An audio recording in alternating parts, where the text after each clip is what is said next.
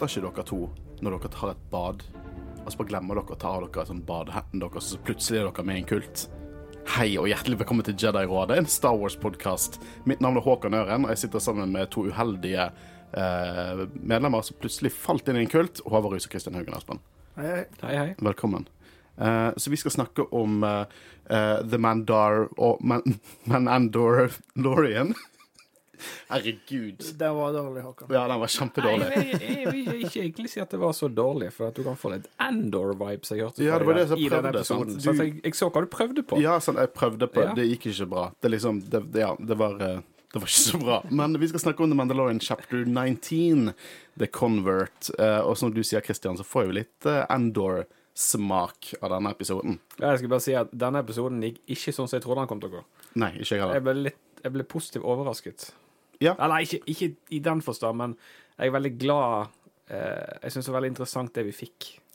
Ja, helt enig. Jeg, jeg leste på Reddit. Det var mange som liksom skrev Å, jeg skjønner hvorfor denne episoden er, har delte meninger, men overalt hvor jeg leste, så var det bare positive meninger, så jeg vet ikke hvor folk finner de negative. Jeg, jeg likte den veldig godt. Ehm, og vi snakket jo litt om uh, Book of Bobafett, at det føltes litt rart når de plutselig hadde en sånn sidequest med Mandalorian i den episoden. Vi likte veldig godt den episoden, men synes det var litt rart å ha den i Book of Bobafett. Men her føltes det bare naturlig å ha en på en måte sånn stor sidehistorie midt i episoden. Jeg bare syns det er rett og rimelig at når eh, The Mandalorian får en episode eller to i Book of Bobafett, så må jo Andor få en episode i Mandalorian igjen. De må dele, liksom.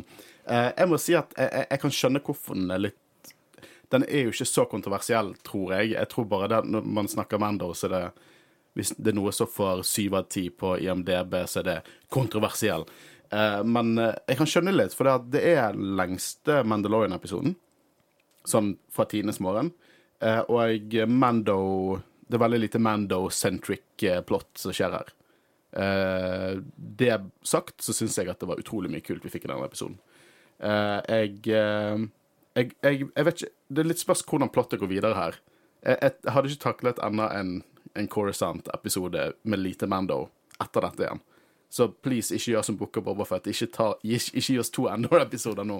Men det er utrolig kult hva de, hva de gjør eh, i denne, denne episoden. Mm. Jeg er veldig spent på eh, rett og slett hva som kommer til å skje med de karakterene vi møtte på Coruscant eh, videre, og hvordan de fordi det må jo bli fletta inn eh, i den større historien på en eller annen måte.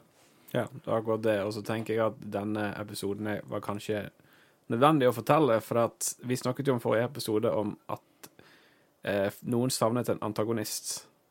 Jeg føler at denne episoden gir rom for å spekulere ganske heftig i at Ja. det fins en større antagonist nå. I begge storylinene vi får i Ja. denne episoden. Absolutt. at, uh, Blir aldri kvitt Moff Gideon, vet du. Mm. Hvis, ikke ja, det, hvis ikke det går høyere enn Moff Gideon. hvis ikke det er noen mer uh, grand Så admiralerer du har ikke kommet der ennå, eh, Håkon. Du har ikke kommet Nei, nei, Håvard, du har ikke kommet der ennå. eh, Men eh, vi, kan, vi skal hoppe inn i det. Uh, først så vil jeg at Kristian Christian skal ta oss gjennom en reise av sosiale medier. Ja. Eh, vi har Facebook, vi har Twitter, vi har Instagram, vi har TikTok. Og vi setter pris på alle som følger oss og gir oss en tilbakemelding, og gir oss en rating på Spotify og iTunes. Uh, Vi er bare på 206 nå på Spotify. Så hvis hvis vi klarer 300, så har som sagt Kristian sagt at han kjøper oss en bil. Eh, så det, det blir oppgradering for hver hundretall vi går forbi. Så 400, så får du en båt, og så går du videre oppover videre. 500 er det hus, da. 500 hus. nei, uff. Eh, nei, men òg eh, det er så gøy å se alle dere som sender inn eh, eh, tilbakemeldinger og eh, gir oss eh, kommentarer på Mandalorian og alle serier. Så vi setter veldig pris på det. Ja, vi gjør det. Det er utrolig kjekt. Eh, det, det er koselig å se at folk faktisk hører på eh, det vrælet vi kommer ut med hver uke. Eh, men nok om det. Vi skal hoppe inn i The Mandalorian chapter 19, The Convert.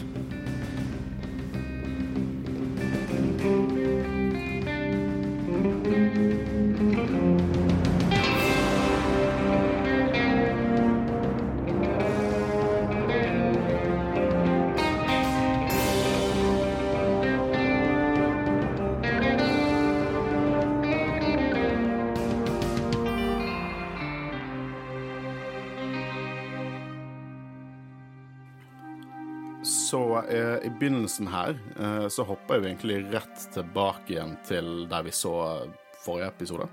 Eh, og igjen også noe som kan være en grunn til litt kontrovers, er jo vi blant annet. Vi forventet jo eh, liksom å se The Mythosaur i sin splendid Og det er jo ikke det som skjer i det hele tatt. Jeg forventer ikke det i det hele tatt.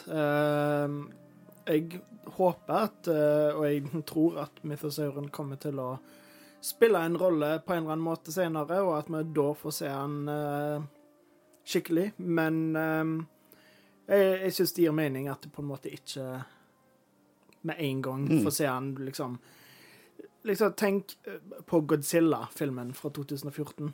Den er jo litt sånn Noen liker han, noen liker han ikke. Jeg liker og- den skikkelig godt, jeg.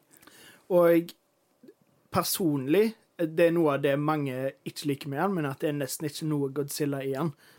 Eh, Men jeg synes det passer veldig, fordi det er liksom så mye skumlere når du ikke ser hele før helt i slutten, på en måte. Eh, Så eh, at de tar litt sånn Gjør litt det samme her, synes jeg passer veldig godt. Og slapp av, vi kommer garantert til å få mer mythosaur. Ja, ja. Jeg, jeg er enig med deg i For at jeg så egentlig for meg at vi kom til å få en slags eh, eh, oppreisning av vannet, at han kom liksom etter folk reiser seg. Men eh, jeg er egentlig enig med deg at det var bra at det ikke bare kom sånn med en gang nå. Jeg eh, tenker det passer bedre å introdusere noe sånt seinere. For å si det sånn, jeg er som en en tolvåring på julaften. Ja, jeg vet det er litt gøy å pakke opp gavene på kvelden, og da har, da har jeg flere pakker å, å pakke opp da.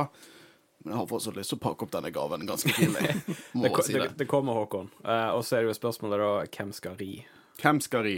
Uh, det er jo på en måte det som er spørsmålet. Uh, fordi at eh, Før vi går helt videre, vi snakket jo litt om på en måte backstoryen til Bokutan i forrige episode. Og det kom fram en lytter av Star Wars Explain kom med en Ikke en teori, men det, det er ikke så impactfullt. Men det, jeg syns det var en stilig tanke. er jo det at uh, Bokutan snakka i forrige episode at hun, hun gjorde sin far stolt når hun tok The Creed. Hun, uh, hun var ikke en skam for sin far den dagen. Og da tror denne lytteren tror da at hun refererte til søsteren, Satine. At kanskje Satine nektet å ta The, the Creed. Og det er derfor hun kanskje i, henne, i Bokutan sine øyne skammet faren den dagen. Så den, den scenen fra forrige episode den bare, den bare fortsetter og gir og gir eh, dag etter dag. Eh, men Boketan hvorfor forteller hun ikke Din jarring hva som skjedde der nede? Jeg synes det, var, det er så typisk film at de liksom Hvis de bare sier ting, så slipper du masse problemer senere. Eh, fordi liksom, hvis hun hadde sagt det der, så hadde det vært større sannsynlighet for at resten av Når vi kommer til slutten, så er jo de den der converten uh, Nei, coverten. Uh, at da er det større sannsynlighet for å bli trodd hvis også Din Jaren visste om det. Men det er Men kan det òg være at hun ikke Altså hun nesten ikke trodde på det sjøl engang? Ja, det var det som var min første tanke, men nå tror jeg det er mer kyniske grunner. Jeg tror hun kan bruke dette til Ja, hun måte- Hun, hun vet ikke helt hva hun skal med den informasjonen ennå, men eh, Hun vil prøve å utnytte den på egen hånd. ja, For der hun kan bli nye Mandalore. Ja. Og det, og det, det er på en måte Vi elsker jo Bokutan. Bokutan er en motherfucking badass. Mm. Liksom Alle Bosen er badass. Bobafett, Bokutan, de er bare badasser. Eh, men det matcher jo med karakteren hennes at hun er ikke Hun, hun er litt sånn antihelt. Og det har hun alltid vært. Mm. Så at uh, hun eventuelt har lyst til å bruke dette til sin egen agenda, det hadde ikke overrasket meg. Nei, og det gir jo mening. Uh, så sånn sett så Så hvis de klarer å få det fram på den måten at det gir mening i plottet, at hun ikke sier noe, så, så funker det veldig bra. Det er bare så typisk, liksom, akkurat som i uh, Last Jedi, når de liksom ikke forteller planen. Det er så typisk film og sånn at de holder ting tilbake, og så uh... ja, det er helt absurd. Hva film snakker vi om, forresten? Jeg tror han snakker om The OC når Marissa ikke forteller Ryan at eh, Akkurat det jeg tenkte på. Nei, men jeg, jeg har vært inne på samme tanken. Ja. Eh, og jeg, jeg må fortelle litt. Mando falt. Mando er en idiot. Han er, han er en idiot. Han bare gikk ned, og så falt han rett til bunnen. Det var Ja, lengre enn han trodde. Ja, men du går nedover trappen, og du vet liksom ikke når kanten Altså, han fa... Ja. Ja, men Har du noen gang gått og badet i sjøen? Bare går du framover, bare vup. Nei, godt poeng, men Men jeg likte veldig godt forklaringen til Bo-Katan, da. At uh, liksom all den bombingen må ha på en måte ødelagt eh, grunnen eh, der inne, for det var jo ikke så dypt før. Um, mm. Og det betyr jo òg, da det, det, Igjen, for å gå litt sånn på Godzilla-greier, da, fordi i filmen så er det jo liksom atom... Forrige uke var det Harry Potter og nå er Godzilla. Men Anna, det, Det gir jo mening, da, men i filmen så er det jo atomprøvesprengninger som på en måte vekker Godzilla til liv igjen, da, på en Mm. måte. Eh, Og det er litt det samme her, da, at på grunn av The Empire som bomba Mandalore, så har det på en måte åpna en avgrunn der et eh, mystisk beist fra fortiden har kommet tilbake. Det ja, for da, da ligger de hi, Mm. rett og slett. Det er veldig kult. da. Jeg ser den parallellen. Er veldig enig i den. Eh, Jeg må også fortelle en, liksom, jeg må, jeg må, en ydmykende personlig historie. Fordi at eh, venn av podkasten, Marius Hauan fra Tegneserieligaen, han uh, diskuterer jo Star Wars i min retning veldig ofte. Eh, og vi hadde en stor diskusjon om han falt, eller han ble på en måte omfavnet av Mythosaurien som den nye Mandalore, sånn som jeg trodde. Um, og da var det en veldig lite produktiv diskusjon der jeg sa nei, han ble dratt ned, og han sa jo, han falt, og så nei, jo, nei, jo, nei, jo. Og så stoppet jeg hele diskusjonen med å si sånn eh, hvis det hjelper, så betyr dette ingenting, og vi kommer aldri til å få vite svaret. Første som skjer i episoden, er sånn Men da kunne like gjerne bare snudd seg til skjermen og sagt sånn Du, by the way, Håkon, jeg falt. så uh, da fikk vi det bekreftet, så jeg bøyer meg i støvet. Jeg kan ta feil, jeg òg. Uh, når de er på vei uh, vekk fra Mandalore, eh, sier Grogu 'This is the way'. det var en helt utrolig sjarmerende scene. Jeg, jeg, jeg kan ikke gjenskape det, men eh, jeg, jeg tror det var det de ville hinte. Um, men vi får se Thai Interceptors. Så angriper de på vei til Kalevala, og jeg, eh, de kaller de Interceptors også. Eh, og hvis ikke jeg tar helt feil, så tror jeg dette er første gang eh, vi har sett Thai Interceptors i live action siden Return of the Jedi. Men sa Grogu 'this is the way' der? Ja, det, når Bo-Katan sier 'this is the way', sier Mando sier 'this is the way', og så okay. sier Grogu Det er jo det han prøvde på. Til og med Mando Det- det- snur seg liksom og ser Det liksom, kan, det eh, det kan godt være. Min eh, tanke rundt det var det at han bare fikk en slags eh, Jedi- eh, eller Force-greier som måtte måte liksom. Nei, nei, nei, ikke Force Gulp, men på en måte han eh, fikk et sånn signal om at det kommer fare snart. Så han Ja. på en måte fikk et Force eh, Ja, uff, jeg kommer ikke på hva jeg skal kalle det. Men. Det er ikke, det er ikke usannsynlig heller. Eh, men min, min, min, min, eh, eh, liksom magen min ønsker at han ja, sa ja, selvfølgelig. Jeg hørte ikke det. Jeg tenkte mer at han advarte de, for han følte noe kom. Det kan godt hende. Det kan godt hende. Jeg må bare si jeg elsker at de kaller de Interceptors, og så sier de 'by the way, disse er bedre enn Tie Fighters'.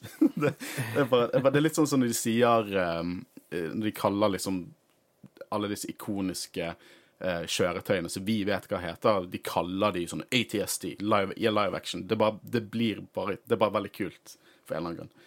Eh, jeg digger hvor godt de samarbeider i denne eh, sekvensen her. De, de bare De viber skikkelig godt sammen, og denne her transferen at Mando hopper ut fra gauntleten og bare flyr opp med N1 sin, det er bare en dritfet scene. Det er kult. Og eh, som du sa, de samarbeider skikkelig bra. Og det er, det er kjekt at det liksom gikk fra i forrige uke at uh, hun basically, når hun så uh, Starfighteren til Mando komme tilbake og liksom bare åh, jeg sa jo du ikke velkommen her. Fuck off. Og så har de gått fra det til å på en måte Det virker som om vi har fått mer respekt for Mando av ulike grunner, og i hvert fall liker han litt bedre. Hvem skulle trodd det etter å være totalt idiot og faller ned i den vannet, så, får hun mer respekt for han. Det verste er at jeg liker Mando litt. Jeg synes det er litt sånn Han er så menneskelig, sant. Jeg, jeg, bare- jeg syns han blir mer badass. Oppriktig, jeg syns han blir mer badass av at han falt. Eh, eh, Håkon for en uke siden hadde aldri trodd eh, Håkon i dag skulle sagt det. Eh, Men eh, når den Mandalorian Gauntleten drifter mot den ene vingen opp og snur seg Å, fy faen. Jeg, eh, jeg stønna høyt når jeg så det. liksom, Åh! Og så måtte jeg spole tilbake for å se det på ny. Det er, Vi har fått ganske mange kule dogfights i Star Wars, eh, men denne var bare mesterlig Det utført. føles så film ut, liksom. Og det er helt uh, sykt hvor bra Det det er. så skikkelig kult ut. Og Ja. måten de flere ganger på en måte eh, Det var litt det samme som uh, i den første episoden, når uh, vi på en måte Akkurat som de hadde festa en GoPro på en eh, Mandalorian som fløy. Det var litt det samme her, at de på en måte hadde Akkurat som de hadde festa kameraet på flyet, og så det fra den vinkelen. Det skikkelig stilig ut. De har veldig livstro, egentlig. Og, og jeg syns liksom Star Wars har vært så symbiose for tiden. Så vi får Endor, og det gir oss noe som vi på en måte ikke har fått så mye av. Eh, politiske intriger og alt det der. Men vi fikk ikke så mye action og så mye dogfights og sånne ting. Og så kommer Mando og gir oss to bare episke dogfights på tre uker. Det er dritfett. Um, eh, og så skjer jo det noe. For det at hvis det er én ting som trigger Boketan, så er hvis noen bomber hjemmet hennes. Og dette er andre gang det skjer. Eh, for det er fullt av Thai bombers driver og Når var første gangen det skjedde, da? Var Nei, det var en, eh, jeg vet ikke om du hørte det. Det var en planet som het Mandalore. Og så var det en hendelse som heter Purge. Jeg trodde du mente det slottet at tidligere hadde Takk, Christian. Du kan ha publikum som ler av spøkene mine. Eh, ja, det gir jo mening. Jeg bare trodde, siden det er mye av Rebels jeg ikke hadde sett, og kanskje liksom Jo, du, uh, Jeg ikke hadde kommet der når de Dette er første og siste gang jeg sier det. Du har kommet dit. Okay. Men uh, de må jo komme seg vekk, for det er utrolig mange fiender. Eh, og hun sier eh, at det var utrolig mange skip for en pissed off Imperial Warlord. Eh, eller en pissed off Grand Admiral, kanskje. Kanskje? Eller en pissed off Moth. Nei, Admiral? Ja, ja. Nei, jeg skal, jeg skal, Vi får jo referanser til Moff Gideon i denne episoden, så det kan jo like gjerne være at det er en Moff eh, bak dette her. Det kan det. Eh, Eller en Moff som jobber for Jeg har, jeg har bare lyst til å tenke større, men jeg føler jeg ikke skal det. Eh, Vi blir jo ofte skuffet når vi tenker Ja, stort. så jeg skal, jeg skal ikke gjøre det. Men de drar derifra, og vi får the title score med bare episk Mandalorian med trommer og hele pakken. Dritfett. For en intro. Og så tenker man liksom Shit! Hva, hva som skjer i denne episoden? Og så blir det en 15, 45 minutter på Corisont. Men det er ikke gale. For det at å se Corisont post Return of the Jedi Ja. Det, det? Det er helt nydelig. Altså, Coruscant course can't handle it. Course can't handle it. Because eh, det ser så nydelig ut. Altså, til og med at eh, altså, det, det er jo på nattestid. Og det ser ut som prequel Corisont. Ja, sant. Eh, og bare det at eh, Jeg regner med at åpningsscenen var den, hvis jeg ikke husker helt feil, eh, når vi er i den opera. Ja, er Galaxies Opera House. Ja, Det er samme operahus som uh, Darth Plague-scenen, er ikke det? jo, med Anakin og Palpatine. Uh, akkurat den samme salen. Litt, men samme får- filmet også. seg. Liksom. Det- skuffa at vi ikke fikk se sånne bobler igjen. Jeg. Men det er liksom Jeg får så prequel-vibes når jeg så dette her. Ja, og det, det gir jo mening, da, for vi har sett Gorsant nå under The Empire, der ting var veldig sånn industrielt og, og grått, og så kommer det tilbake til New, New Republic, og det matcher litt det visuelle vi så under prequels når Repu- Republikken var i kontroll. Det gir mening, liksom tematisk, sant? Eh, men jeg syns det er utrolig mye interessant der, for dere eh, dere vet at jeg har hatt en historie med å være litt sånn Empire-sympatisk. Eh, Jeg tror sympatisk er litt lite. Du må, du må tenke må, Det er ikke beskrivende nok. Nei, det er ikke beskrivende nok. Uh, og det er ikke det at jeg skal tilbake igjen til det, litt kanskje. Men jeg syns bare hele representasjonen av The New Republic her er fascinerende. Vi har jo snakka litt, når vi snakket om filmene, på en måte hvor ubrukelige The New Republic egentlig er, med tanke på det, det med militæret og alt mulig sånn. Og i denne episoden òg så får vi veldig mye fokus på det, da. At det liksom de, de gjør sitt beste, men de får det ikke helt til. De gjør mange feil. Ja, og det er litt sånn Det er som en sånn Det er, sånn, det er en sånn giddy, heroisk goody two-shoe-stemning på det hele, men det føles som en fasade.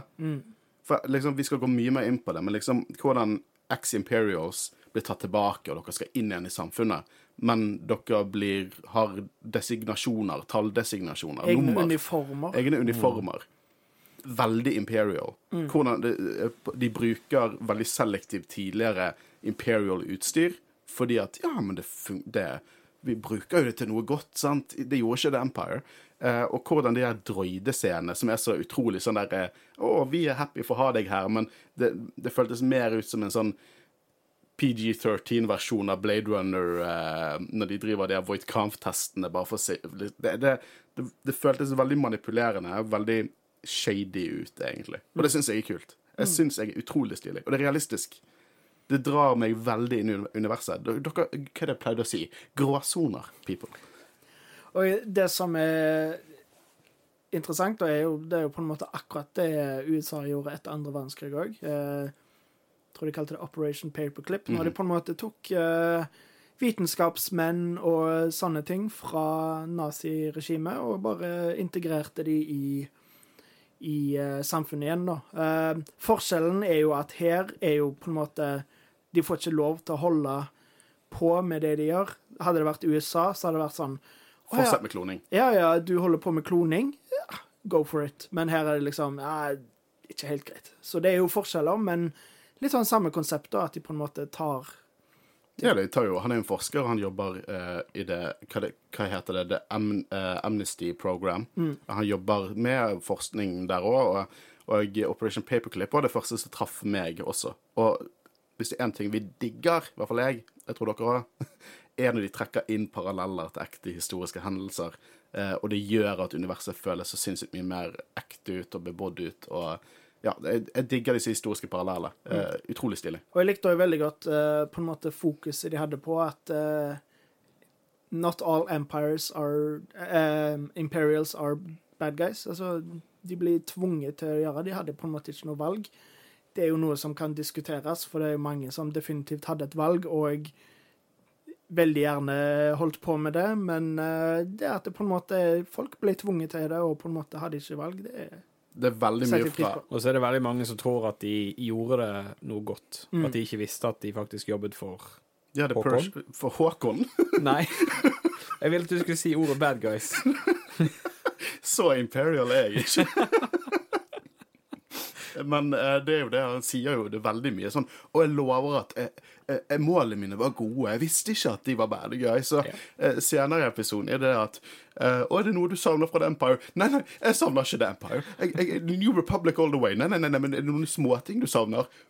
Kanskje. Det, det, liksom, de, virker, de virker så sykt on edge, eh, og alt dette matcher veldig godt med resten av canon, eh, i bøkene spesielt etter, eh, etter at alliansen vinner og The New Republic blir integrert igjen. Så det, det, er utrolig tro til canon på veldig mye måter, alt det som skjer i denne episoden, eh, og det utforsker mye. Så det er utrolig stilig.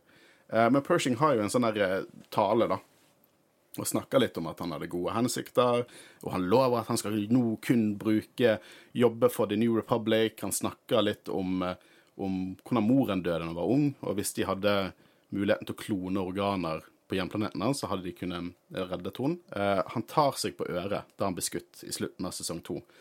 Eh, når dette skjer, eh, når han snakker om moren, og litt senere i episoden. Jeg lurte på om du kan dra litt paralleller med for at når han drar seg i øret under den konsultasjonen, det er det du kan kalle det, med den roboten, så lyver han jo. Ja. Dette, du mener at det er kanskje hans tell? Ja, kanskje. Men igjen Ja, at det på en måte er det som på en måte han gjør det. Det går fint. Det går fint. Eh, at det er derfor han gjør det, altså når han lyver. Men han ble jo òg skutt i øret Ja. av eh, vår eh, åh, Var det, eh, var det Cara Dune? Cara? Dune. Ja. Ja, sant. Hva skjedde med henne? Nei, jeg, jeg, vet ikke, jeg bare glemte navnet. Uh, I hvert fall så er jo det òg en mulighet. Ja. Men jeg jeg tenkte at det var en han lyve. Jeg tenkte din tanke i løpet av episoden, men Ja. når episoden ble ferdig, så lurte jeg på Det gikk jeg litt tilbake til det. For jeg syns ikke helt det matchet opp. Hvilken av de? Uh, når han tok seg i øret, at det var på en måte hans tell, at han løy om ordet. Oh, ja, sånn, ja. Men nå tenker jeg at det er kanskje mer det at han Det er på en måte hans OK, go to action. Jeg vil, jeg vil jobbe for dette på en måte ting. Han, for han husker tilbake til han fikk det såret mens han jobbet for noe som han mente var veldig viktig. Eh, og når han snakker om moren, så er det jo det som motiverte han til å jobbe med kloning og sånne ting. Ja. Uh, så man vet ikke, for jeg, jeg begynte jo å tenke sånn OK, er det han, er han egentlig en sånn Imperial agent eller noe sånt, og så switcher de litt rundt for oss, da. Men en av de grunnene til at jeg er litt usikker på akkurat det, er fordi at han viber ikke han, han, Når jeg ser karakteren i løpet av episoden, så får jeg inntrykk av at han faktisk vil gjøre noe godt for The New Republic. Ja, det er derfor jeg, Jeg ikke tror han lyver. Ja, det er akkurat det. Eh, men uh, han snakker litt om Caminoen, så hvordan deres teknologi virkelig har på en måte pushet feltet framover. Det er alltid gøy å høre. og snakker litt om sånn hvordan basert på deres teknologi, så kunne du bare ha en liten del av DNA og, kombinere, og på en måte duplikere det og kombinere de beste aspektene fra to ulike donorer til én ting. Og jeg begynner jo å tenke sånn Palpatine shit her. Det er, vanskelig å ikke tenke på det. Jeg tror nok definitivt uh, Det som skjer senere i episoden, da, det er definitivt knytta til Palpatine. Uh, om Palpatine faktisk er involvert sjøl, eller bare har folk som jobber foran, det er jo en annen ting, men eh, Ja, Vi kommer tilbake til det i slutten, da. Men eh, det som skjer med Pershing, det er nok for å på en måte gjemme det som skjer med klonen. Mm. Liksom. Mm, ja, for det er liksom det de eh, vi har snakket om før òg, at de på en måte prøver å knytte sammen Ja. mot sequel-trilogien. Og det har jo de også bekreftet. Ja. Så elsk eller hat det, it's happening. uh, jeg elsker også den snotty Corsant-eliten og Mon Calamari og, og folk, sånne rike folk som er sånn derre Å, de prøvde jo å rekruttere meg. Nei, det, det var The Empire. Å ja. Nei, jeg har ikke kontroll over hvem det er som styrer. Det var en veldig uh, snobby uh, samtale, det der. Ja. Og det er jo gått litt sånn inn i, i canon. Nå vet jo vi at eh, det var ikke nødvendigvis på The Core Worlds at the, the common people hadde det verst. Eh, men både i Legends og Cannon er det sånn snakk om sånn eh, vanlige folk som snakker om Order 66 og fra Re Republic til Empire. De snakker litt sånn sånn Det var ikke så merkverdig, liksom. Ting bare fortsatte.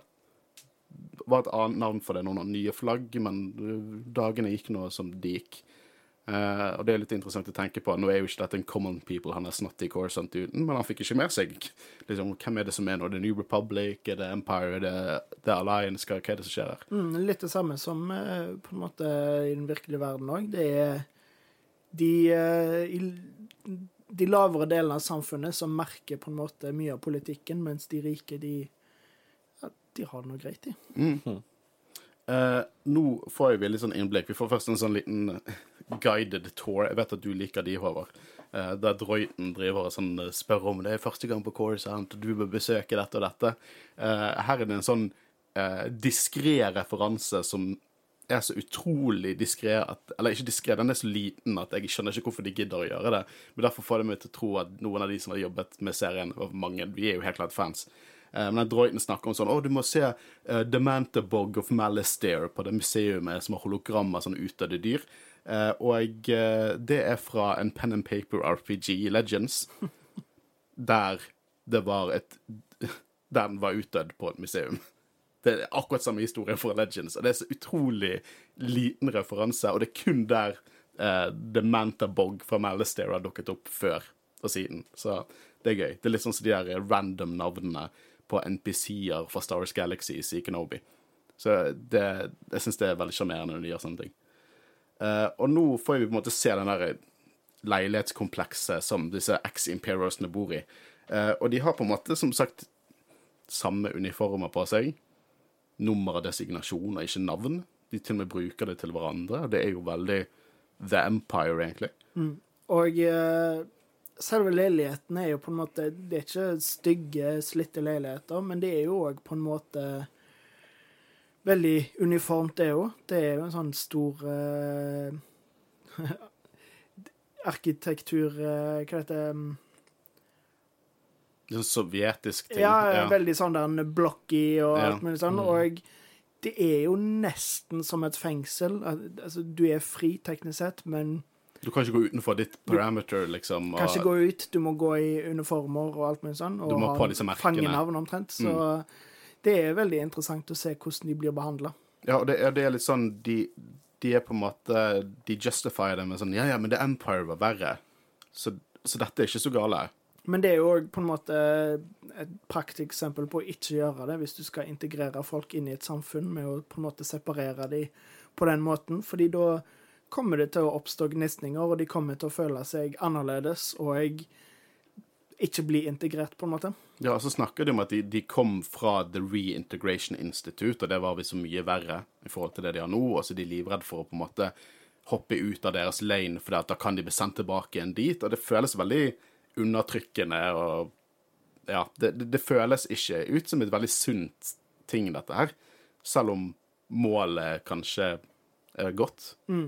Eh, vi har jo snakket litt om uh, starten til The First Order. Det var vel en del Empire-folk som var med i det, var det ikke det? At Jo da, The First Order er jo på en måte uh, Det var jo på en måte uh, Ray Sloan, Grand Admiral Ray Sloan, som tok og, og tok med flåten til The Unknown Region for å starte The First Order, og så på et tidspunkt der inne så ble hun eh, potensielt overstyrt av Snoke. Eh, akkurat den historien vet vi ikke, men vi vet at Ray Sloan kan man klassifisere som den første lederen av The First Order. Fordi det eh, igjen, eh, når de på en måte ikke blir integrert på den måten, så er det jo veldig lett for å forstå at de kanskje vil gå tilbake til sånn som det var før, og bli med i The Force Order igjen, og på en måte ikke en del av The New Republic. Så de skyter seg veldig i foten med å uh, ha det på den måten, da. Og uh, igjen, som vi har snakket om, uh, The New Republic, de fungerer ikke helt. De har gode det ideer.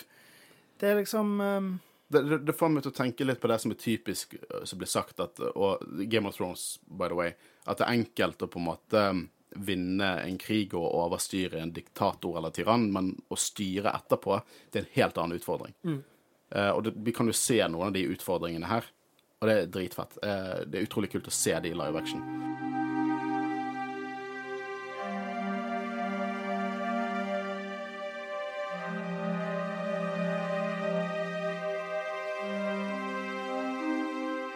Eh, men han møter på, på H68, som vi får vite senere er Elia Kane, første gang vi får navn på karakteren, men hun var jo The Coms Officer på Moff Gideon sin eh, cruiser i, i sesong to. Eh, vi merker at eh, Dr. Pershing blir litt, litt satt ut av det. Eh, og de tar det opp at liksom Hva er dealen? Nei, han var ikke klar over at det var andre fra Moff Gideon sitt skip her. Eh, og da begynner jo de å spektisere, spankulere, spekulere om hva skjedde med Moff Gideon. Noen mener han slapp unna, eller, eller at han stakk unna, eller at han er koblet opp til en mindflayer. Eh, og jeg elsker det. elsker det. De vet hva de gjør. De bare sånn kaster ut spørsmål til oss som om de ikke vet sjøl, og så kommer Moff Gideon tilbake igjen en eller annen gang i bare sånn Jeg gleder meg. jeg gleder meg. For, det- for det Giancarlo Esposito som Moff Gideon, det er bare han, han bare passer perfekt inn i den der liksom ligaen med grumpy, gamle Imperials. Eh, og jeg gleder meg til han kommer tilbake igjen. Eh, så det er interessant. Jeg liker eh, hvor mye de teaser oss der. Eh, de er veldig sånn Å, dette var dette, savner litt at uniformen er fra The Empire. Men New Republic er veldig fin, da. Eh, åh, jeg savner litt uh, maten. Ja, ja, men New Republic, de, de konge. Ja, long live the New Republic. Jeg syns det er fascinerende å se på. Og hvor, hvor utrolig usikre de er. De tør liksom ikke helt å snakke fritt. Uh, men Pershing Det er sikkert bugs overalt. ja, det, det er jo det. Helt sikkert. Men de savner Dr. Pershing savner jo Yellow Travel Biscuits. Eh, de ser ikke veldig gode ut når de dukker opp, men på kvelden, når han sitter og hører på eh, eh, en Star Wars-referansebok på Audible eller noe sånt, eh, så kommer det banking på døren, og så har han fått et par av disse Travel Biscuitsene da, eh, fra Elia Kane. Jeg liker at nå har faktisk den Det begynner å bli en ganske gammel meme, men nå er den memen blitt canon. Come to the empire, we have cookies. Å ja! It's an older meme, sir, but it checks out. Eh, jeg hadde i hvert fall fjernet etiketten, tror jeg, på de kjeksene. Liksom, det er en stor Imperial Cog på midten. Det er jo som å spise liksom en, eh, en donut med en svastika på seg. Liksom. Det, det går ikke. uh, men her får vi på en måte se litt sånn innblikk Oi! Uh, vi får innblikk i Ting går i bakken her, det blir så excited. Uh, vi får litt innblikk i hverdagen til Dr. Pershing. Eh, for han, eh, han jobber på et sted som minner meg veldig om Cyril Karn eh, sin arbeidsplass under Andor, men han er på sånn paper pusher-greie. Han er teknisk sett en forsker, men han driver bare arkiverer ting. Og så får vi et interessant konsept her, som jeg skal gå dypt inn på. For vi skal snakke om In Universe Canon ukedager, gutter. for det at sjefen hans sier 'Happy Bendu Day'. Og grunnen til at jeg er happy, er fordi at det er slutten av uken. Eh, og Håvard, hvor mange dager er det i uken? Sju. Men i Star Wars-universet er det fem. Um, Så de har ikke helg? Å, stakkars folk.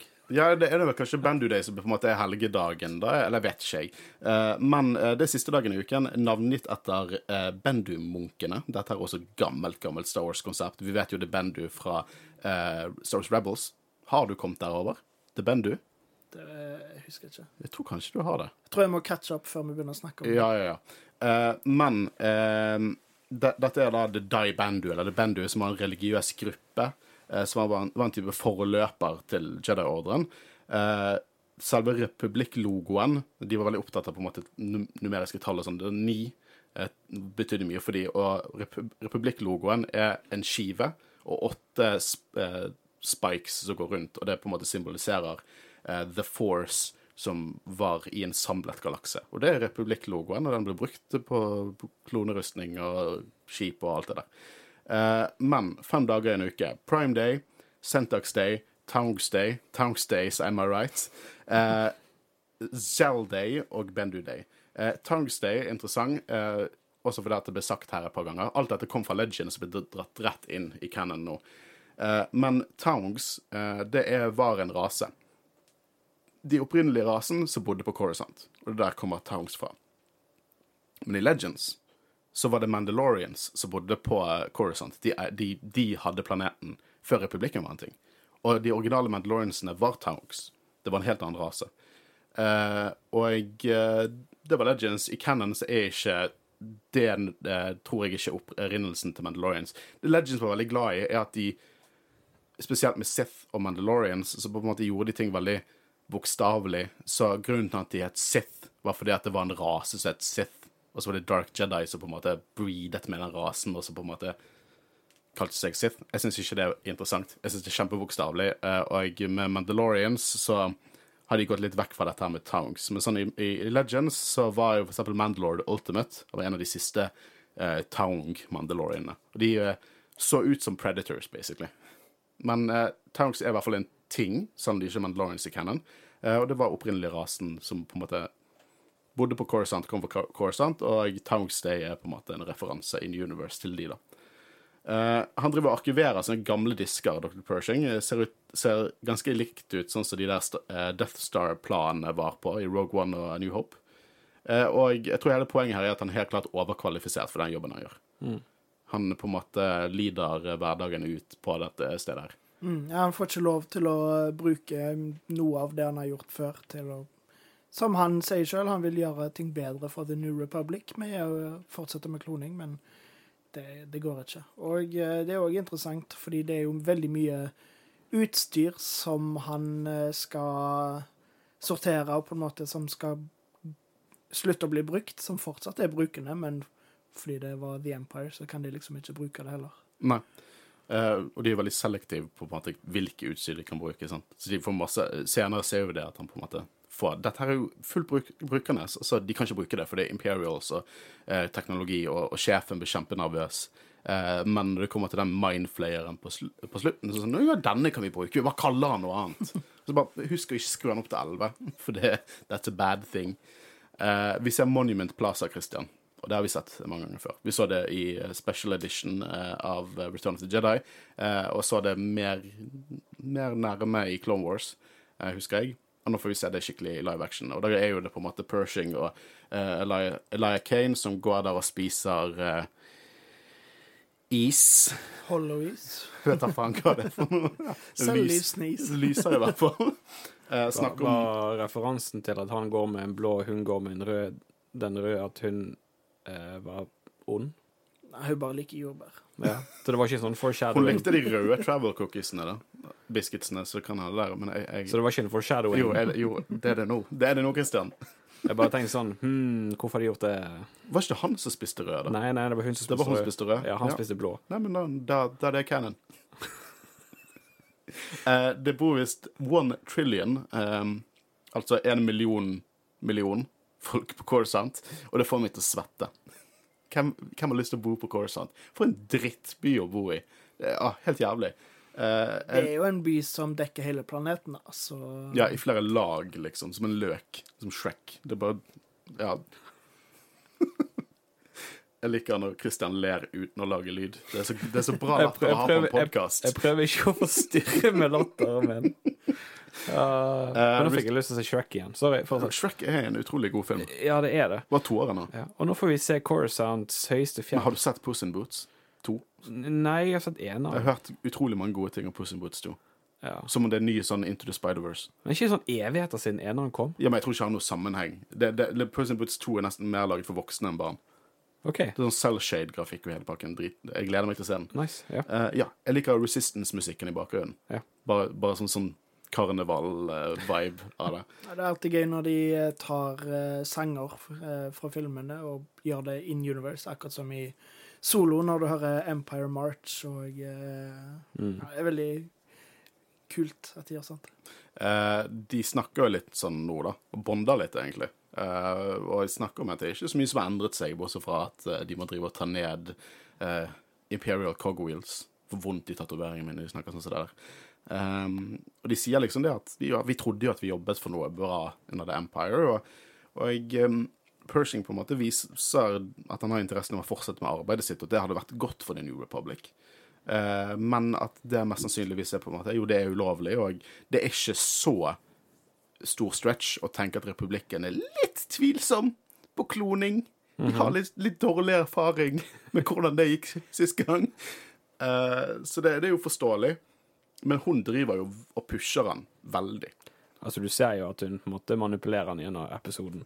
Ja. Eh, og eh, meg og min samboer Marie hadde jo en sånn her eh, lek at OK, nå må du tenke rødt flagg når hun snakker, sant? For han, han, han spiller jo Han, han liksom Han er jo så Han er med. Ja, Han er naiv. Kjempenaiv. Han er som en Jedi. For hun er ikke så diskré heller, liksom. Sant? Hun er bare, bare villig til å ofre alt for at han skal gjøre det som han mener er bra. Eh, så de, og det gir jo veldig mening på slutten av episoden hvorfor hun gjør det. Ja. Eh, men vi får se eh, toppen av fjellet uh, Umatei, som er det høyeste fjellet. Høyeste fjellet på Coruscant, sant? Ja. Det det eneste måten nå å se faktisk en del av originale planeten på. Eh, og Og jeg- denne lille selen elsket jeg. Ja, du skal få det å fortelle. Altså, comic reliefen her Å, det var gøy! Ja, ja, med drøyten. Ja, ja. No littering. Eh, men eh, dette her er faktisk også et konsept som Ralph McQuarrie kom på. At du skulle se toppen av det høyeste fjellet på Coruscant. Eh, og, vi, og jeg tror jeg blandet med Monument Plaza i sted. Det, dette man, man ser faktisk dette i special edition av Return of the Jedi. Jeg blandet det med Monument Plaza. Ser du fjellet, liksom? I, Ja. Ser du det? Jeg kan Jeg kan ikke si det med mine egne øyne, men jeg, jeg, jeg leste dette her eh, i en artikkel om at du kunne se det. Så nå må jeg gå tilbake Ja, jeg jeg kan se det. jeg jeg kan ikke huske det. For det er jo basert på Ralph McQuarrie art, så det, er ikke, det, det hadde ikke navnet Umate der. Så det er helt sikkert retconning, da, på en viss grad. Uh, Men har du sett fjellet før, liksom i Clone Wars eller noe sånt? Eller? vi har hørt fjellet, om fjellet før. Sånn, eh, ganske tidlig i Light of the Jedi, første High Republic-boken, uh, der uh, Supreme Chancellor Lina Soe på en måte går til det fjellet, oh. og det siste delen av på en måte, det frodige på Coruscant, og snakke om hvordan sånn For da er det mye større.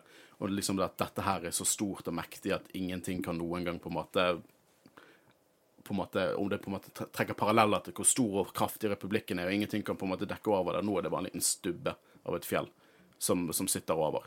Eh, så det er, det er interessant, og man kan sikkert ta tak i der uh, hva symboliserer det at eh, sivilisasjoner bare på et par hundre år bare gravde helt ned.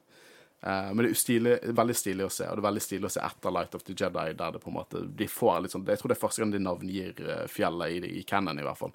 Var Light of the Jedi, og nå får vi se på en måte fjellet. Som er ulovlig å ta på. Eh, og det får jo Pershing streng beskjed fra en sånn politidroid at du skal ikke ta på, og du skal ikke litter. Veldig gøy scene. Eh, men det er også utrolig stilig å se. Det er, så, det er sånn, Ja, ja, dette var en del av canon før, men eh, det på en måte bygger ut Corisont litt mer, da. Vi ser det på en måte i live action. Eh, veldig stilig. Eh, nå får vi på en måte disse møtene med den droiden, da, som egentlig bare spør er du stabil, er du ond, er du fortsatt Imperial? Og hvis du svarer nei, nei, nei, så er det sånn oh, good job! Nå kan du få lov til å gå ut i samfunnet igjen. Eh, og han får bekreftet at uh, klone research det er strengt ulovlig.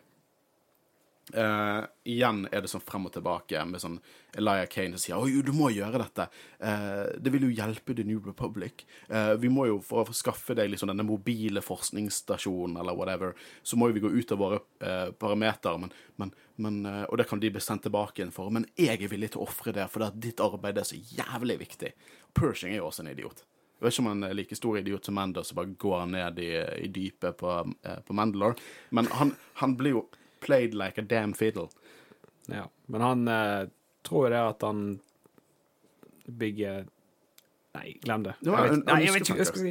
Ja, det, men liksom at han eh, prøver å få venner. Ja, han, jo en, han virker jo som en utrolig lite utadvendt fyr. Og eh, når noen bare sier til han, liksom bare tror på han, så eh, Ja, det, det, da er de snille. Sant? Hun ga meg kjeks. Hun prøver å pushe meg til å gjøre ulovlig forskning hver gang jeg møter henne. Uh, og det her får jo også enda en scene når han er på jobb. Jeg liker litt at de hopper litt frem og tilbake, er flere forskjellige scener, at han bare sitter på jobb, og at han snakker med droidene. Og jeg tror at lengden på episoden hjelper at du kan få den følelsen at det går lang tid, uh, og dette er hans liksom helt jævlige hverdag. Uh, men på jobb så er jo det på en måte hele denne samtalen om at liksom ikke bruke Imperial Tech, og sjefen blir kjempestresset når det gjelder det. Bare la oss holde oss i vår lane. Uh, han sier også det at å, vi er jo kjempeopptatt med å drive og, og decommissione flåten til alliansen også. Det er altfor mye arbeid. Og, og den lille handlingen der kommer til å bite dere i ræven om et par år, når dere bare ikke har en goddamn flåte til, til, til hele republikken. Og det har jo vi snakket mye om. Ja, det er jo ganske idiotisk òg. det må jo kunne gå an å på en måte bare repurpose eh, både eh, Imperial og eh, Alliance-flåten til å bli sin egen flåte. Fjerne Imperial Cogwheels, og så er det good to go, liksom. Ja, men det er jo litt, litt sånn Tenk å heller bruke teknologien til de de kjempet mot, fienden, de onde, til noe godt. Mm. Det må jo være mye bedre. Anbefaler folk å spille Star Wars Squadrons, eh, flyspillet. Har dere spilt det, egentlig? Nei. Uansett, storymoden der er veldig bra. De går inn på litt dette her med rett etter Return of the Jedi, der eh, New Republic driver og tar fra hverandre Star Destroyers, og så bygger de Starhawks, som også svære, mektige skip, eh, som virker, virkelig kicker ass på slaget over Jakku. Eh, og da er jo liksom litt helt det, det dilemmaet sånn OK, det ser ikke ut som Empire lenger, det, det ser ikke ut som Star Destroyer, men det er fortsatt et utrolig farlig våpen som kan bli brukt utrolig mye farlig. Uh, og det er på en måte et interessant dilemma å ha i hele denne maktovertakelsen fra uh, Empire til The New Republic, og hvordan på en måte dette er, da. Bare lurer de seg sjøl. Og så etter alt dette her, så driver jo på en måte de finner ut at nei, The Empire og, og republikken til den tidligere republikken var så veldig militaristisk, de som vi bare decommissioner en svær flåte, The Grand Army, og bare lar hver planet på en måte styre med det sjøl, og så kommer jo The Empire tilbake igjen i, som The First Order og kan overstyre The New Republic totalt, fordi at de de, de, de feiler, de overkorrigerer, og så overkorrigerer de kanskje ikke nok på enkelte andre steder. Det er bare liksom The New Republic, som Mando sier i første episode, er kind of a joke. Det, det er det. Det er kind of a joke. Eh, og det er veldig interessant å se det i, i denne episoden.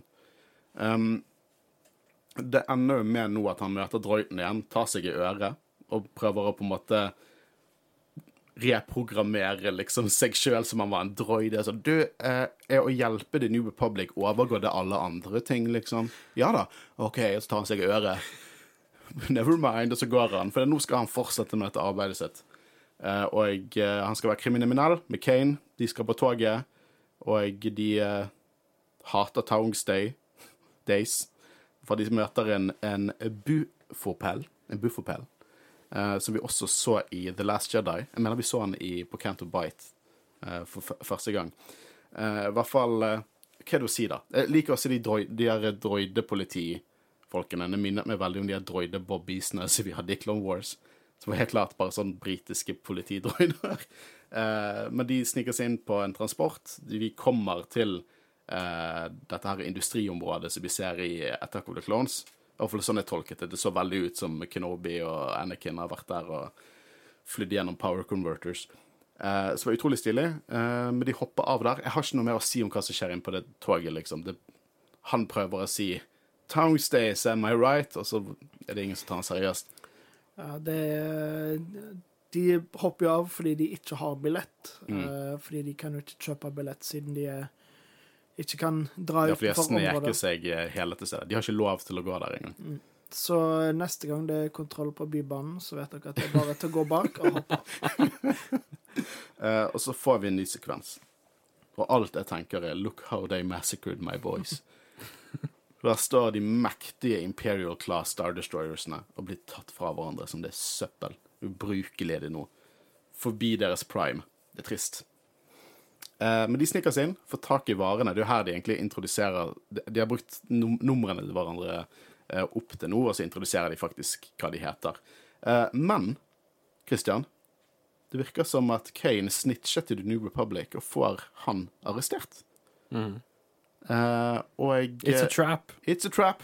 Det første vi ser en Mon Calamari med musikken og den der uniformen hans. Det er bare perfekt. Og det, det, det høres Jeg vet ikke hva den sangen heter i vårt univers, men det er nesten en sånn veldig klassisk, klassisk musikk. Bare de endret litt på tonene. Veldig vittig. Og de, de har en, en, noe de kaller en 602 medi Medigator. Og så sier uh, Pershing 'Din mind flayer'. Nei, nei, nei, nei. Dette, dette, dette er Medigator, og du kommer til å wipe uh, menene mine. Nei, nei, den skal bare gi deg en sånn Jeg har tatt den sjøl. Veldig komfortabel. Bare få det til å roe ned litt. De må virkelig ha en sånn De må ha en constraint. De må fjerne muligheten til å skru den opp til 11. Det er helt idiotisk. For det er det som skjer. Hun, eh, hun skrur den opp til 11, Kane altså. Og vi må jo bare tro at hun saboterte han for at informasjon ikke skulle lekkes til The New Republic.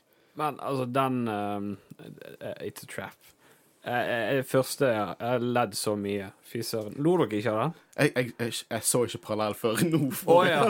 Tok så Seriøst? ja, jeg skammer meg. Jeg lo så godt når jeg hørte det. Den var så fin. Den var så godt plassert. Og med Monica Lamaria. Ja. Ja, perfekt. Uh, men ja, hun er jo definitivt Imperial fortsatt.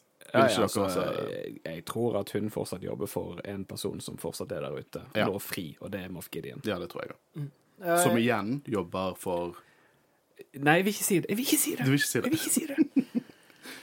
Ja, fordi uh, gjennom hele episoden så tenkte jeg jo at det er noe mer med hun. Hun er ikke den hun sier hun er, men jeg var veldig usikker på hvor det skulle gå. Nesten som jeg forventa at når de gikk inn i den Star Destroyeren, så sto Moff Gideon der og sa 'surprise'! Eh, så jeg er jo litt glad de ikke gjorde akkurat det, men eh, Surprise, motherfucker! Det er jo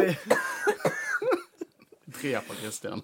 Uff, ja, nesten. i hvert fall eh, Ja, hun er Imperial, eller eh, Ja, definitivt. Eh, det blir veldig interessant. Jeg liker hvor naiv han der eh, Han derre uh, som er der, og bare sånn 'Det går ikke fint med alle, han relapset, men du er sånn prakteksemplar'. og så sånn 'Kan jeg bare bli her?' Fordi at han er jo verden min selv. Og hun bare sånn 'Selvfølgelig. Bare ikke rør den der'. Skru henne opp til 11. Uh, ja, uh, og så spiser hun en, en sånn yellow kjeks. Veldig evil. Jeg lo litt når hun spiste den kjeksen. Come on.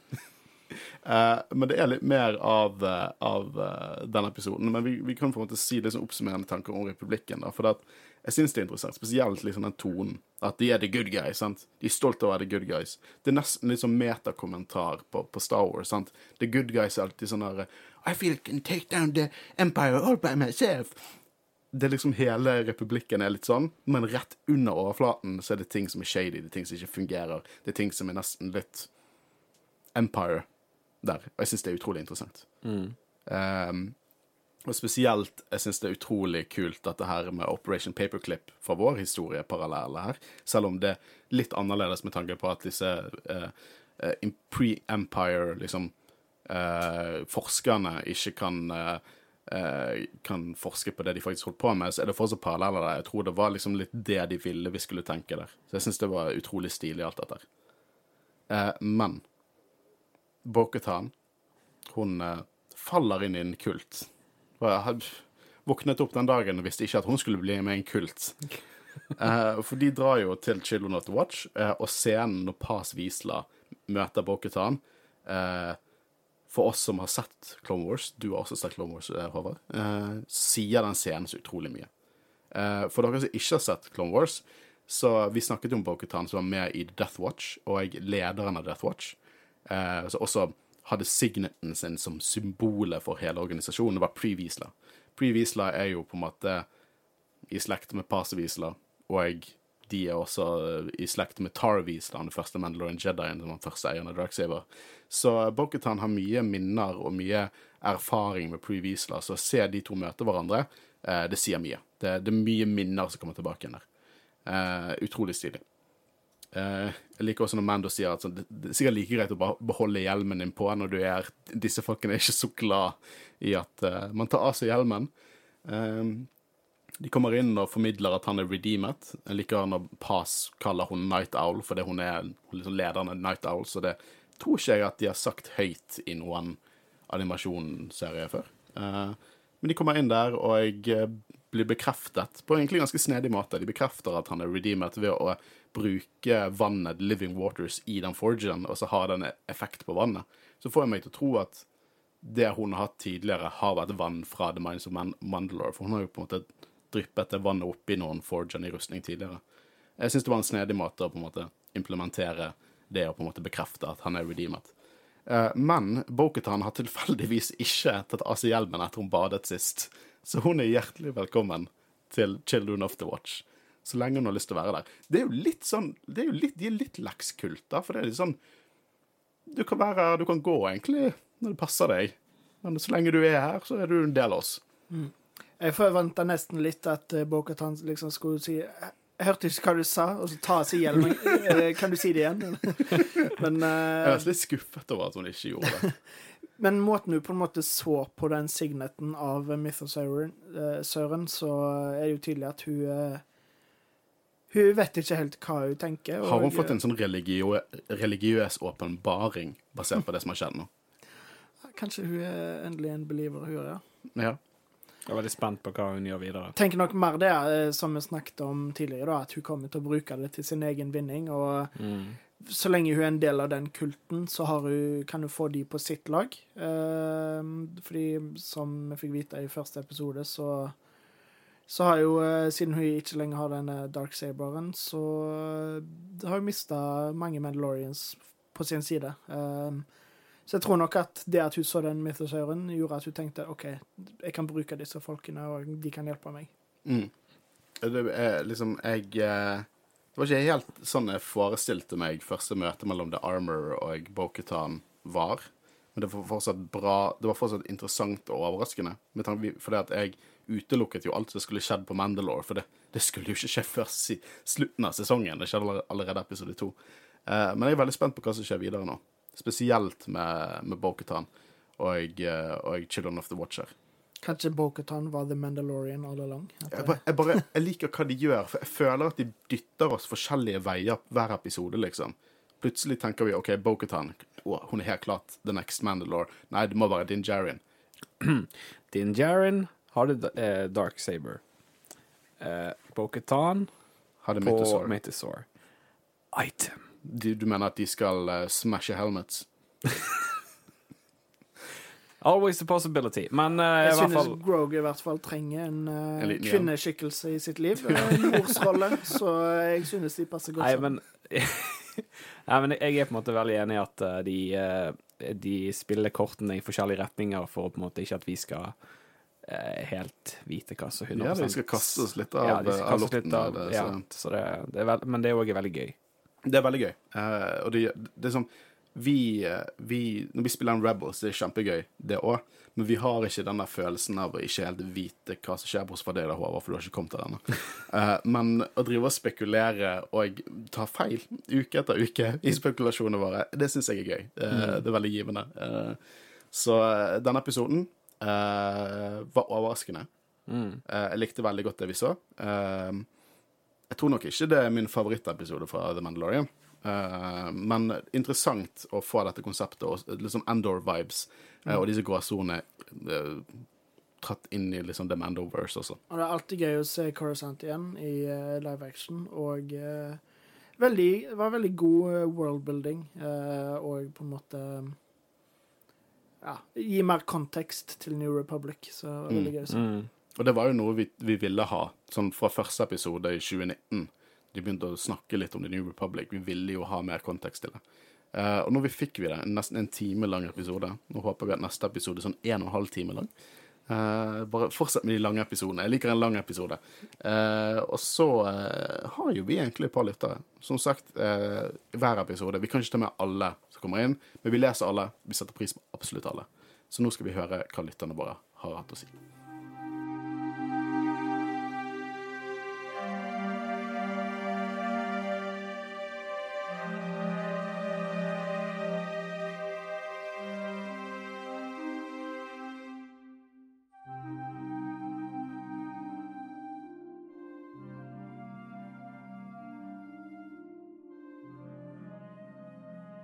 Veldig overrasket over dagens episode. Det var alt annet enn jeg hadde trodd. Denne episoden er ganske dyp på mange områder, og jeg har så mange ting jeg kunne diskutert og sagt her angående religionshistorie, og ikke minst militær tilhørighet og lojalitet. Gud bedre. Men jeg skal holde det kort, for nå å bare si vingene på flyet. Og takk Gud for at Bokhatan trykker på flere knapper enn én i flyet. Ja, det flyet, altså. Eh, det, det, jeg, jeg har Lego-settet. Jeg har aldri vært noe særlig fan av Lego-settet. Jeg syns det ser litt kjipt ut. Jeg må si at eh, når jeg etter så episoden, så gikk jeg og swoshet litt med Lego-settet inn på kontoret. Eh, men ja, dette med militær Med historieparalleller generelt, jeg syns det er dritfett. Det er jo liksom Jeg snakket jo om det, om det en del i forrige episode, om sånn antikkens Hellas og alt det der, eh, og nå på en måte få litt sånn etterkrigstiden og ja. Utrolig fascinerende. Det bare får meg til å tro enda mer på universet. digget denne episoden så mye, selv om den har fått mye miksede reaksjoner. Men jeg digget Ander, og dette ga den følelsen. Nydelig episode. Sykt kul start. Fin måte å se mer av Corisont på, og gøy å se hvor vakker den kan være, og likte slutten også. Ni av ti for meg. Det er bra. Eh, jeg syns egentlig at Fordi vi fikk lite Mando i denne episoden, men det vi fikk av Mando, var bare så jævlig kult. Det er vel den lengste episoden, men den med minst Mandalorians i òg. Ja. Eh, det vil jeg si, ja. Men det, det var bare det var, det var så utrolig mye impact i alle scenene Mando var med i, at det nesten balanserer det litt. At han ikke var så mye med. Bare sånn den første Chase eh, dogfight-scenen og når Boketan møter Children of the Watch, det er jo en sekvens vi har drømte om sin første gang vi så Boketan i Mando sesong to, i live action i hvert fall. Eh, så ja, eh, utrolig god episode. Jeg syns sesong tre har holdt seg og har, Det har vært tre utrolig gode episoder frem til nå. Helt enig. Eh, da tenker jeg at jeg hopper inn på mine, jeg. Nydelig romskip-action og nok en positivt, positiv, overraskende vending.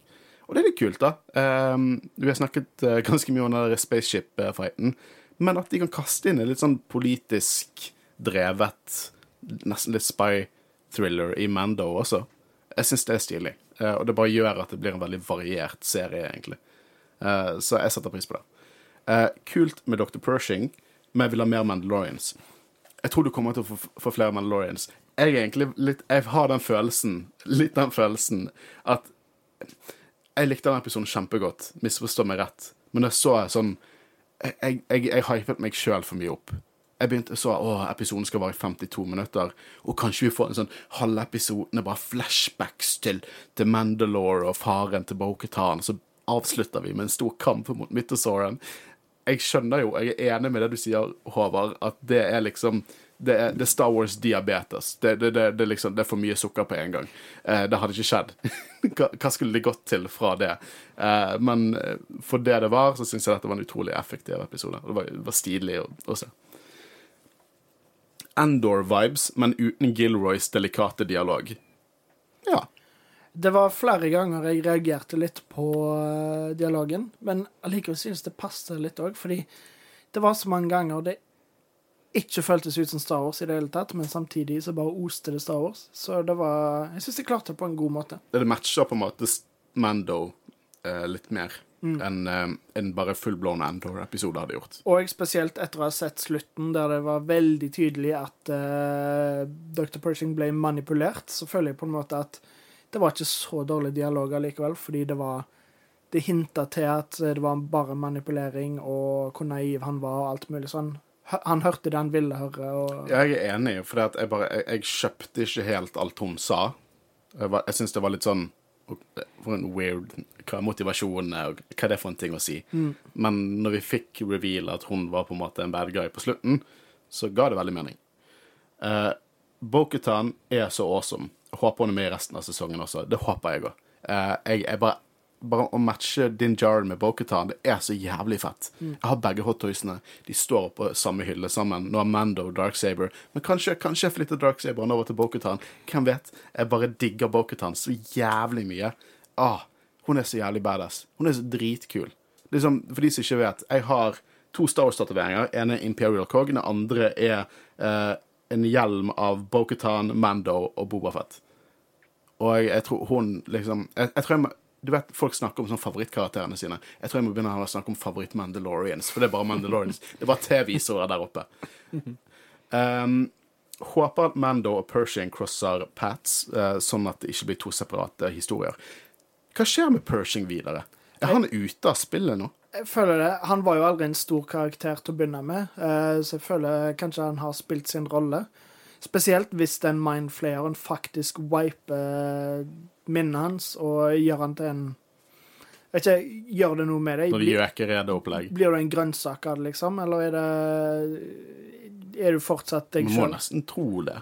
Fordi Ja, jeg tror han har spilt sin uh, rolle, uh, men hun Kane tror jeg vi kommer til å se igjen, definitivt. Ja, jeg tror dette var mer setup for Kane. Og det var kult å se henne, for vi snakket litt om, om at hun I sesong to var det filmet litt som at hun var kanskje mer Det var et eller annet med henne.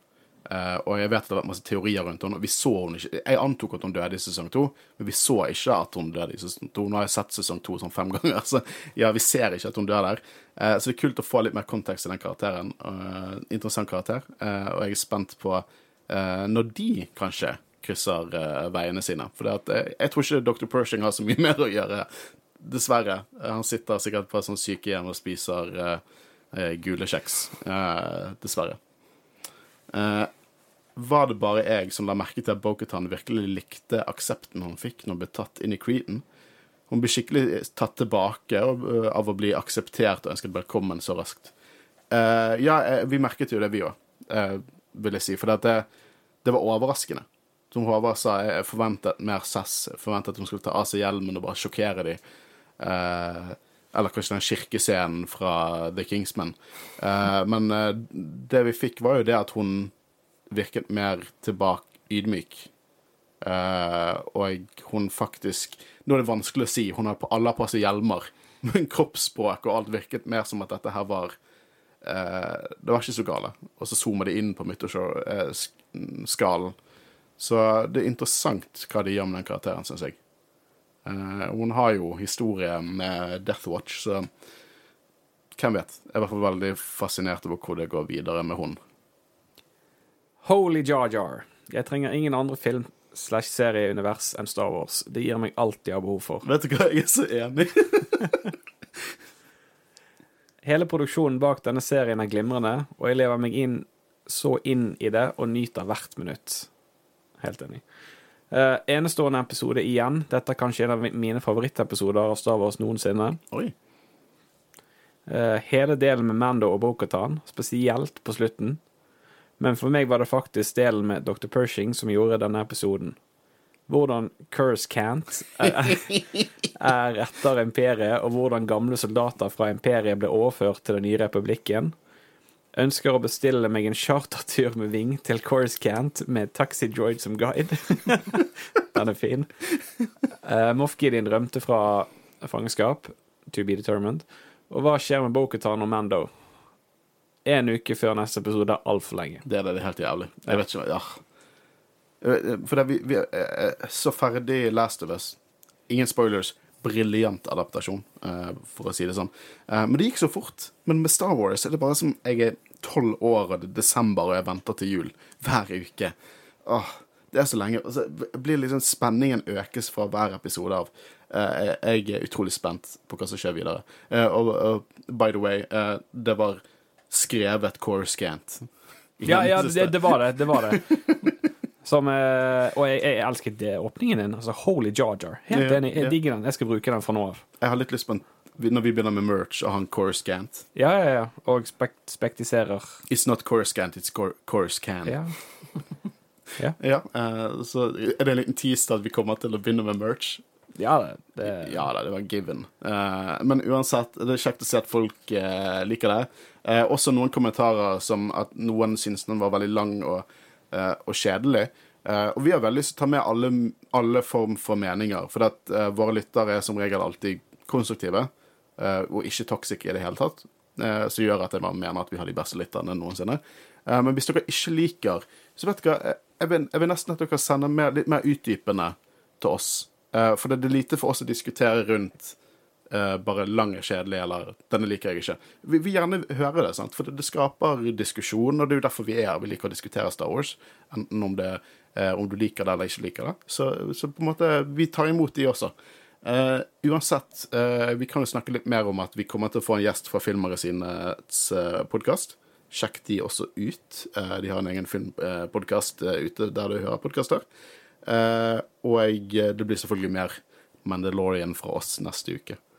Uh, og Celebration. Ikke lenge til Celebration. Vi har nettopp meldt oss på eh, paneler. Uh, jeg er ganske sikker på at det er Soka-panelet som kommer til å bli mest ettertraktet eh, den eh, helgen, tror jeg. Ja, jeg håper vi kommer inn på alle, jeg, men eh, Ja. eh, det er jo også utrolig mange små paneler som jeg har lyst til å gå på. Eh, Alt fra cosplay til Dog Chang har en egen, eget panel der han snakker om hvordan på en måte, han har drevet med concept art og designet Star Wars. Det, jeg gleder meg så mye. Vet du hva, jeg, tror jeg, kommer til, å- jeg vet ikke hvor mange hjelmer jeg kommer til å kjøpe. kommer til å besvime der inne. Ja, jeg vet hva, jeg skal ned dit med en tom koffert, og den skal være jævlig svær.